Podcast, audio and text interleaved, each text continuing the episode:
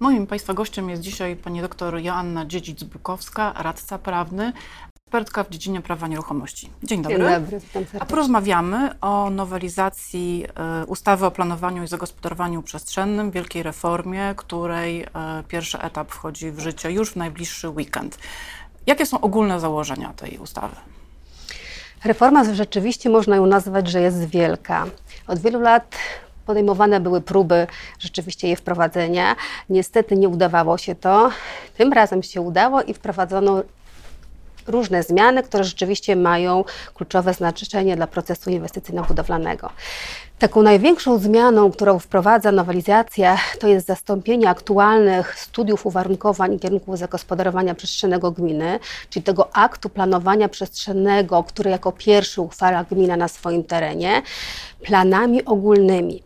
Powiem może króciutko, czym oprócz nazwy te akty planistyczne będą się różniły. Dotychczasowe studia poza tym, że nie były aktami prawa miejscowego, były uznawane za takie akty kierownictwa wewnętrznego.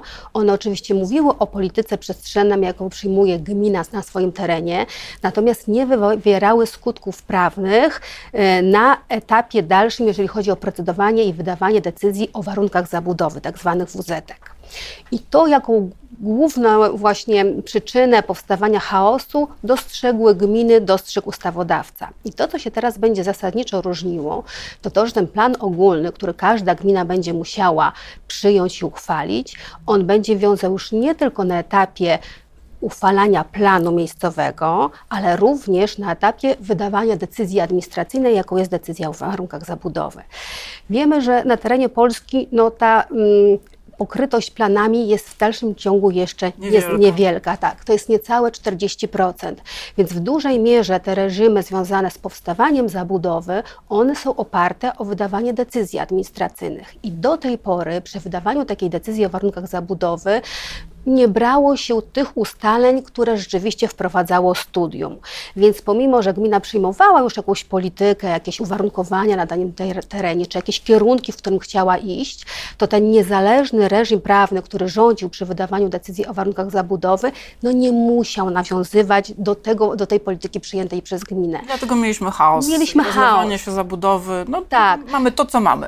Powiem, powiem jeszcze może dlaczego, bo wiadomo, przy wydawaniu decyzji o warunkach zabudowy też one nie mogły być wydawane jak się komuś podobało. Również trzeba było spełnić konkretne przesłanki, konkretną normę z, też z ustawy o planowaniu i zagospodarowaniu przestrzennym.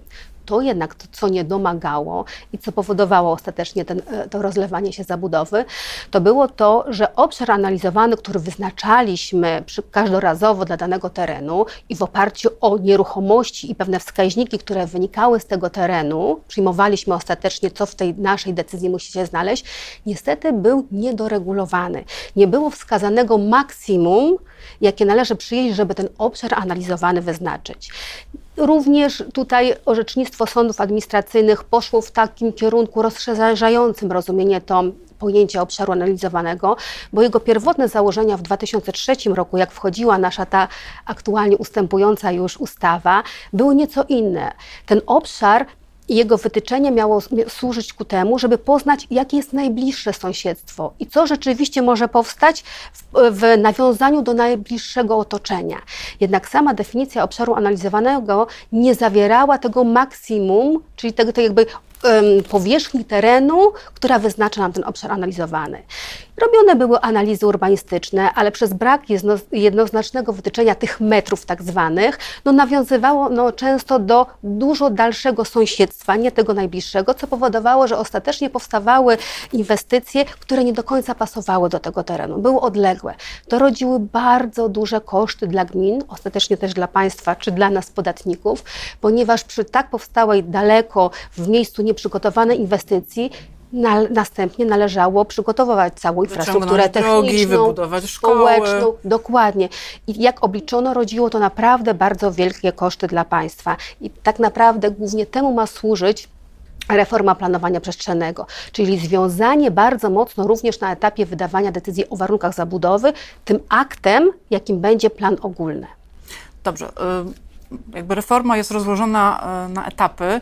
Co konkretnie zmienia się dla inwestorów czy dla samorządów już w najbliższy weekend, kiedy wchodzą te pierwsze przepisy? Ustawodawca wprowadza 30-dniowe wakacje legis, czyli my 24 września rzeczywiście zaczynamy już w tym nowym porządku prawnym, zaczyna obowiązywać znowelizowana ustawa. Jednak ustawodawca y, nie chciał tak od razu wprowadzać wszystkich naraz tych nowych, niejednokrotnie być może trudnych rzeczy i rozłożył tą reformę w czasie. I najważniejsze, o czym trzeba sobie zapamiętać, to jest to, że ona będzie rozłożona również w czasie w zależności od terenu, ponieważ wskazuje się, że ten nowy reżim prawny trochę bardziej trudny, konserwatywny, będzie obowiązywał w momencie, gdy na danym terenie wygaśnie studium. A ten moment wygaśnięcia studium nie będzie identyczny dla e, wszystkich gmin, ponieważ ustawodawca mówi tak, maksymalnie do 31 grudnia 2025 roku gminy muszą plany ogólne uchwalić, ale jak zrobią to wcześniej, to wtedy również nastąpi wygaśnięcie studium. Więc jeżeli gmina aktualnie jest bardziej przygotowana, jest cyfryzowana, posiada przede wszystkim pieniądze, to być może już za rok ten plan ogólny uchwali i to ten moment będzie decydujący, że nam następuje wygaszenie tego studium starego. I w tym momencie, być może już za rok, w danej gminie będzie ten nowy reżim prawny, bo ten nowy reżim prawny wiąże się z wygaśnięciem studium uwarunkowań, a to wygaśnięcie, jak jeszcze raz podkreślam, może nastąpić w różnym czasie, maksymalnie 31 grudnia 2025 roku, bo to jest taki aktualnie przyjęty przez ustawodawcę czas, że to jest maksimum, do kiedy studia mogą jeszcze obowiązywać, ale jak mówię, może się okazać, że nie niektóre gminy w Polsce szybciej uchwalą ten plan ogólny, a tym samym studium nam już wygaśnie. I to wtedy zaczyna obowiązywać już ten, te nowe zasady. Samego 24 września uruchamiają nam się nowe również instrumenty, takie jak na przykład zintegrowany plan inwestycyjny. Może dwa zdania, co to będzie.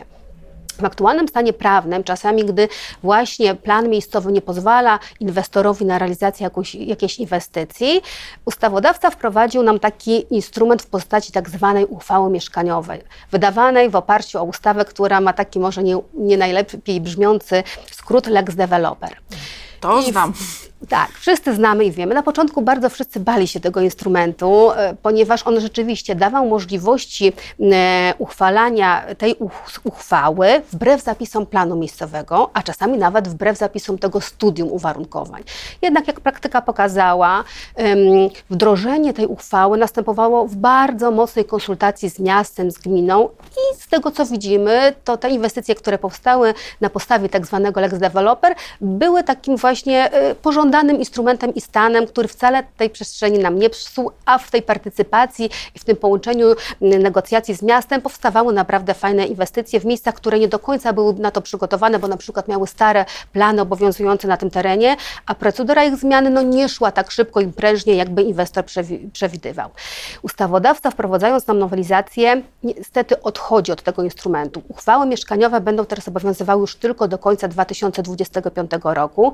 W to miejsce w wprowadza nowy instrument, jaki będzie zintegrowany plan inwestycyjny, tak ZPI. Jaki jest plus względem dotychczasowych uchwał, bo pewnie warto o tym powiedzieć. E, uchwały mieszkaniowe można było procedować w odniesieniu tylko i wyłącznie do, do inwestycji mieszkaniowej. Natomiast to ZPI będzie dotyczyło wszelkich e, rodzajów przedsięwzięć, jaki inwestor będzie chciał zrealizować. Fabryka na przykład też? Fabryka, e, jakiś obiekt handlowy, usługowy, biura, to już nie tylko mieszkaniówka. Więc patrząc na to, to ten instrument nowy rzeczywiście jest o wiele szerszy większą ilością przedsięwzięć inwestor będzie mógł wystąpić do gminy, żeby w tym trybie procedować. Ale co jest istotne i warto o tym zapamiętać, to ZPI to będzie nic innego jak szczególnego rodzaju miejscowy plan zagospodarowania przestrzennego. Czyli aby jego uchwalić, to on będzie musiał być zgodny z tym planem ogólnym, który za chwilę będzie obowiązywał. W związku z tym, że z tym ZPI będziemy mogli już wystąpić od 24 września, a na razie jeszcze będziemy mieć obowiązujące studia uwarunkowań, bo jak mówiłam, te plany ogólne wyjdą nam dopiero po jakimś czasie, maksymalnie 1 stycznia 2026, to chwilowo to ZPI oczywiście będzie musiało nawiązywać do studium aktualnego, ale nie będzie mogło być nim sprzeczne. Natomiast trzeba pamiętać, że ono będzie mo mogło również obejmować teren, który aktualnie ma już plan miejscowy, ale na przykład nie taki czy z nie takim przeznaczeniem, jaki chciałby inwestor. I wtedy w momencie uchwalenia ZPI następuje uchylenie tego starego planu i w miejsce jego, czy części tego planu, bo być może to będzie dotyczyło tylko części jakiegoś terenu objętym większym planem miejscowym i wtedy to ZPI zastąpi nam aktualnie obowiązujący plan. Dlaczego to może być lepszy instrument? Po pierwsze, jak już powiedziałam, przedmiotowo szerszy, a po drugie no, procedowanie tego ZPI w porównaniu do tradycyjnie procedowanych e, planów miejscowych będzie szybsze. Więc jeżeli wpłynie taki wniosek, bo e, co istotne, ZPI będzie uchwalane na wniosek inwestora. Więc tutaj inwestor będzie musiał złożyć stosowny wniosek. Mało tego, do tego wniosku trzeba będzie dołączyć już projekt tego ZPI, czyli nic innego jak projekt miejscowego planu zagospodarowania przestrzennego. I to jest coś, co jest trochę trudne dla deweloperów. Z jednej strony... Tak, tak naprawdę gminną robotę muszą wykonać, tak? Dokładnie. Tak? I tutaj może jak już trochę mm, wyprzedzając, powiem o pewnych zagrożeniach, jakie mogą, jakie mogą się tutaj pojawić. To Brzmi są... to wszystko dosyć skomplikowanie i jak tak. wielkie wyzwanie dla wszystkich interesów Y, ogólnie reforma niesie za sobą duże wyzwania, również w zrozumieniu tych nowych instytucji, nie mówiąc już o przepisach przejściowych, które w różnym terminie wprowadzają te inwestycje i instytucje. Ale tak, to ZPI niesie pewnego rodzaju zagrożenia dla deweloperów, ponieważ e, do wniosku trzeba już przygotować tak na dobrą sprawę projekt planu miejscowego, czyli to, co Pani zauważyła, to, co jest naprawdę tak naprawdę zadaniem gminy, przechodzi trochę na rzecz inwestora, że to on musi już najprawdopodobniej podpisać umowę z pracownią urbanistyczną i przygotować nic innego jak projekt po prostu planu miejscowego. Jak rozumiem, trochę w ciemno, bo może zainwestować w coś, co mu się nie zwróci. Dokładnie. I to jest wielkie niebezpieczeństwo, które również dostrzegają inwestorzy, że ustawodawca niestety nie daje mechanizmu zapewniającego, że jak już zostanie złożony wniosek, mało tego, do niego właśnie dołoży się, dołączy już ten projekt planu miejscowego, który jest, nie ukrywajmy, bardzo kosztowny. Bo też co ważne, ten projekt będzie musiał być zgodny z wszelkimi przepisami prawa i przepisami odrębnymi. On będzie musiał spełniać wszystkie wymogi, jakie gmina rzeczywiście przy uchwalaniu planu miejscowego musi spełnić. Czyli inwestor musi o wszystkim pamiętać, o obszarach chronionych, o jakichś normach szczególnych i pod kątem tych wszystkich naszych reżimów panujących na danym terenie dopiero musi ten projekt planu przygotować. Czyli po pierwsze coś kosztownego, po drugie nie do końca będzie pewność, czy te, w tym trybie uchwalone zostanie ZPI, ponieważ ustawodawca przewiduje takie dwa niepewne miejsca. Pierwsze to jest to, że na takie procedowanie ZPI musi wyrazić zgodę Rada Gminy. Bez tej zgody, mimo wpłynięciu wniosku inwestora, mimo być może jakiejś dobrej woli wójta, niestety nie będzie można uchwalać tego ZPI. Czyli co do zasady, dużo wcześniej, na wcześniejszym etapie inwestor powinien poczynić pewne ustalenia z gminą, z miastem, żeby zobaczyć, czy w ogóle wola ku temu jest, żeby rzeczywiście to procedować. Druga rzecz, która, którą ustawa niestety też wprowadza, daje taką możliwość gminie, to jest do końca do momentu zawarcia umowy urbanistycznej, bo to jest też istotny element różniący typowy plan miejscowy, że tutaj będzie musiała być podpisana umowa urbanistyczna, bo to będą po prostu prowadzone negocjacje. Inwestor wnioskując o ZPI zawsze będzie musiał, wiadomo, zrealizować inwestycję główną, o którą wnioskuje, ale dodatkowo ustawa nakłada na niego obowiązek realizacji inwestycji uzupełniającej. I w tym zakresie co do danego przypadku będzie przypisane, co w konkretnym wnios- do danego wniosku gmina będzie chciała. Czy będzie chciała, żeby to była szkoła, czy być może przebudowa drogi. To są właśnie te prowadzone negocjacje i dlatego przed uchwaleniem ZPI będzie zawierana umowa urbanistyczna w formie aktu notarialnego, w której to inwestor i gmina będą się do pewnych rzeczy zobowiązywać. I przepisy mówią tak, do momentu zawarcia umowy urbanistycznej przewodniczący Rady Gminy w ogóle może się wycofać z tych negocjacji nie ma podanych w jakiej sytuacji. Czy nie ma ustawowo określonych przypadków, gdzie moglibyśmy się zabezpieczyć i być pewni, jak te spełnimy, to na pewno nam ta Kolejna procedura... pułapka na przedsiębiorców. Tak. Więc tutaj są pewne rzeczy, które gdzieś tam są pozostawione e, pewnej doregulowaniu przez same strony. I wydaje się, co zresztą wszyscy komentujący te, te, ten nowy instrument zauważają, żeby tym trybie rzeczywiście został uchwalony plan miejscowy na wniosek inwestora. Dużo wcześniej powinny być prowadzone tak naprawdę negocjacje z gminą, tak aby nikt nie poczuł się w jakiś sposób poszkodowany, że właśnie wyłożył pieniądze, zaangażował swój czas, a później jednak do procedury ostatecznie nie doszło, nie nastąpiło uchwalenie już samego ZPI. Co jeszcze warto podkreślić, ZPI będzie jak najbardziej również robiony z partycypacją społeczną. To nie jest tak, że tu wniosek wpływa od inwestora, więc tylko gmina dogaduje się z wnioskodawcą. Nie, tutaj, tak jak przy typowym planie miejscowym, będą podejmowane kolejne czynności, które ustawa przewiduje i między innymi w tych, wśród tych czynności jest angażowanie społeczeństwa. Również społeczność z danego terenu, czy też interesująca się tym obszarem, będzie mogła do takiego ZPI złożyć uwagę, czyli takie swoje zastrzeżenie. Więc tu też inwestorzy mają jak gdyby na względzie to, że ta partycypacja czasami też wydłuża procedowanie planu miejscowego to, co ustawodawca dał jak gdyby gratis względem zwykłego planu, że te konsultacje społeczne, partycypacja może być skrócona na zasadzie jednego momentu, czyli na przykład tylko złożenia uwag, bo co do zasady ustawa wprowadza większe jakby momenty, częściej społeczeństwo może się dołączyć do danej procedury. W tym przypadku ustawodawca mówi, że może Rada Gminy ograniczyć to tylko do momentu złożenia uwag i też skrócić je do terminu 14 dni. Normalnie partycypacja będzie prowadzona co najmniej w terminie 28 dni. Więc jakieś tutaj e, takie e, skrócenie tej całej procedury może nastąpić. Również organy, które będą odpowiedzialne za uzgodnienie takiego projektu, bo nie zapominajmy, że ten projekt oprócz tego, że będzie mm, jakby dogadywany z, z, z wnioskodawcą, z gminą, to on mu będzie również uzgadniany przez organy właściwe dla tego terenu i, i opiniowany więc e, to jest procedura, która może być również dłuższa, tak jak patrzymy z perspektywy i jak praktyka pokazywała, ile trwało wydawanie tych uchwał tak zwanych mieszkaniowych, to one, jak już ta wola miasta była, to one szły szybciej. W tym momencie uchwalenie ZPI w trybie właśnie takiego typowego planu miejscowego, oczywiście z pewnymi różnicami, czyli chociażby skróconą tą partycypacją społeczną, czy skróconym terminem dla opiniowania, czy uzgadniania dla organów, no mimo wszystko może też być w jakiś sposób długi, jeżeli chodzi o ten czas, na którym mm, zależy inwestorowi. Wspomniała Pani, że e, plany ogólne będą mogły wejść wcześniej w tych gminach, które wcześniej je przygotują. A wierzy Pani, że jest to możliwe, bo samorządy w toku prac legislacyjnych raczej apelowały, żeby ten moment graniczny odsunąć w czasie, twierdząc, że nie mają pieniędzy, nie mają czasu i nie mają fachowców i nie ma na rynku tych fachowców, który, którzy przygotują e, te plany.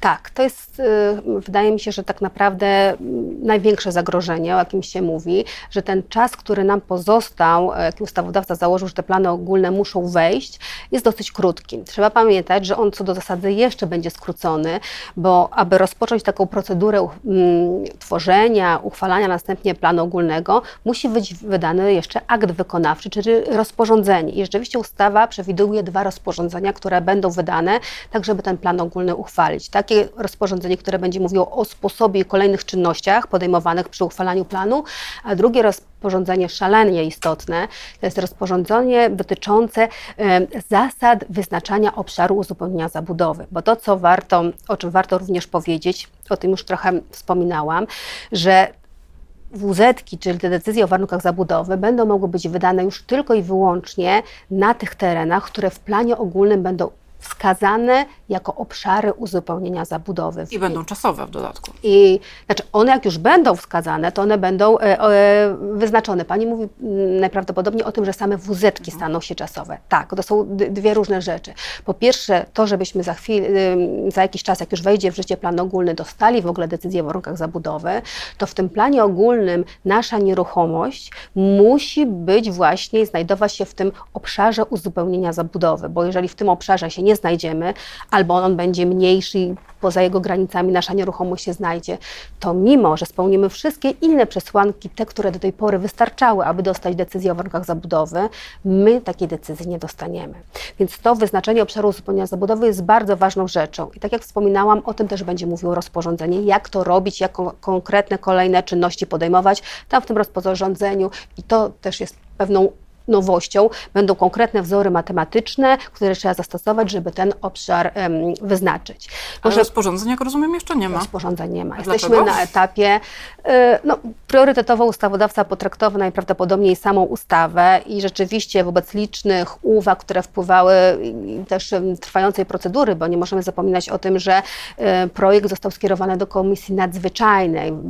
Potrzeba była, żeby jednak jeszcze wiele rzeczy w tym projekcie zmienić, więc troszeczkę wydłużyła nam się ta procedura w ogóle przyjmowania przez Sejm tego projektu. I być może skupiono się w pierwszej mm, kolejności na samych przepisach ustawy. Aktualnie są y, procedowane trzy rozporządzenia. Rozporządzenie dotyczące wzoru formularza do aktu planowania przestrzennego, bo docelowo będzie taki formularz, który będziemy musieli jakby wypełnić, żeby zawnioskować czy uczestniczyć w tym e, uchwalaniu aktu planowania przestrzennego. Drugi, drugie rozporządzenie, ono dotyczy danych przestrzennych, bo te, to, co będzie też dosyć nowe, inne, to jest bardzo mocno posunięta cyfryzacja całego mm, procesu związanego z planowaniem przestrzennym. I o tym będzie mówiło drugie rozporządzenie. I trzecie rozporządzenie, które dopiero w tym tygodniu w ogóle zostało skierowane do konsultacji, projekt w ogóle nam się ukazał, to jest rozporządzenie dotyczące rzeczywiście sposobu procedowania samego planu ogólnego. Więc dopóki te rozporządzenia nie wejdą w życie, a przypomnę, są na etapie dopiero konsultacji, no to ten czas jeszcze będzie jakby ograniczony, bo mimo 24 września, mimo startu, co do zasady gminy jeszcze nie będą e, mogły wystartować z całą procedurą. Jakby Pani miała tak ogólnie podsumować, to jednak ta reforma ma więcej plusów czy więcej minusów? Ona długookresowo ma więcej plusów, bo to na tym wszystkim nam powinno zależeć, to nie tylko kwestia ładu przestrzennego, żeby nam się po prostu ładniej i lepiej żyło, ale jednak zmniejszenie kosztów dla gmin, a tym samym państwa, a co najważniejsze, no nie może powstawać zabudowa tam, gdzie ona nie powinna powstać, nawet ze względów takich y, klimatycznych, tak? bo to, to też są ważne względy, o których my czasami zapominamy. No jednak już teraz musimy przedsięwziąć różne czynności, e, procedować troszeczkę w sposób inny te tereny, żeby docelowo no, łatwiej by nam było, e, łatwiej nam było żyć. E, zagrożenie, jakie niesie za sobą, to na pewno mniejsza podaż gruntów, bo to, że gmina po pierwsze będzie mogła, a nie musiała wyznaczyć te obszary uzupełnienia zabudowy, a przypomnę, że tylko w tych obszarach będzie mogła być wydana decyzja o warunkach zabudowy, to jest jedna rzecz. Druga rzecz, o czym też już wspominałam, wyznaczenie tych obszarów nie będzie y, polegało na tym, że jest taka wola wójta czy burmistrza, tylko ona będzie zależała od chłonności i bilansowania terenów. Ustawodawca idzie w tym kierunku, żeby w pierwszej kolejności tereny pod zabudowę uznać te, które są na, jakby przygotowane, czyli te, które w aktualnych planach miejscowych są wskazane jako te pod zabudowę, ewentualnie te, które nie są objęte planami miejscowymi, ale są i, i, funkcjonują w obszarze do tego przygotowanym, czyli już gdzieś przy, przy e, gruntach, które są już właśnie, do nich doprowadzona jest infrastruktura, czy społeczna, czy techniczna. I to powoduje, że gmina w pierwszej kolejności musi zobaczyć, jaką ma chłonność. Tak jak widzimy, już prowadzimy pewne analizy, e, ta chłonność jest dosyć duża. Mimo, że tych planów nie mamy tak dużo, ale w tych planach, które aktualnie obowiązują, bardzo dużo terenów jest przeznaczonych pod zabudowę, więc one czasami nie są atrakcyjne, to jest już inna rzecz, prawda?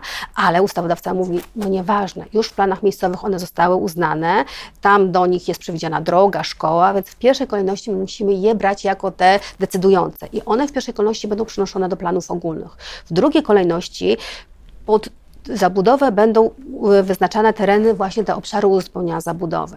Jak się patrzy, jaką mamy chłonność w aktualnych planach miejscowych względem tego, jakie mamy ma gmina potrzeby, bo te potrzeby to też nie taka tylko wola ludzi czy y, burmistrza, ale czysta demografia. I tutaj patrząc na dane gusowskie, tego zapotrzebowania wcale nie mamy więcej, tylko wręcz mniej.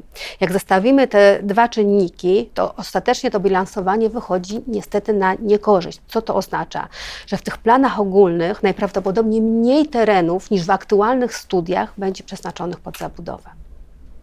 Czyli jak to zwykle bywa, czas pokaże, ale jesteśmy dobrej myśli, chociaż na początku będzie ciężko. Okres przejściowy i on będzie rodził problemy głównie związane z tym, żeby się odnaleźć, w jakim reżimie jesteśmy. I tutaj zarówno urzędnicy będą na pewno mieli dosyć trudno, żeby odnaleźć się, czy już w tym momencie, bo jeszcze co warto powiedzieć, wszystkie dotychczasowe mm, procedury rozpoczęte i niezakończone przed wejściem w życie nowelizacji, one będą szły na dotychczasowych zasadach. A to, to jest to nam się nic nie zmieni. Mało tego. Wszędzie tam, gdzie mamy uchwalony plan miejscowy, one dalej obowiązują.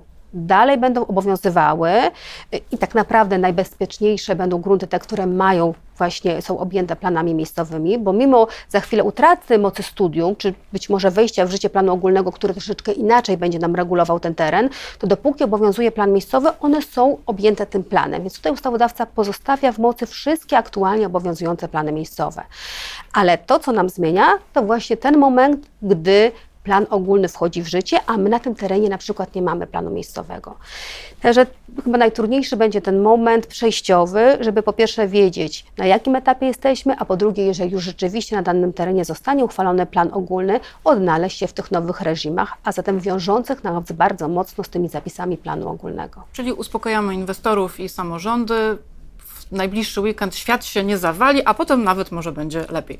Dziękuję bardzo. Moim Państwa gościem była pani doktor Joanna Dziedzic-Bukowska, radca prawny, specjalistka w dziedzinie prawa nieruchomości. Bardzo dziękuję. dziękuję bardzo.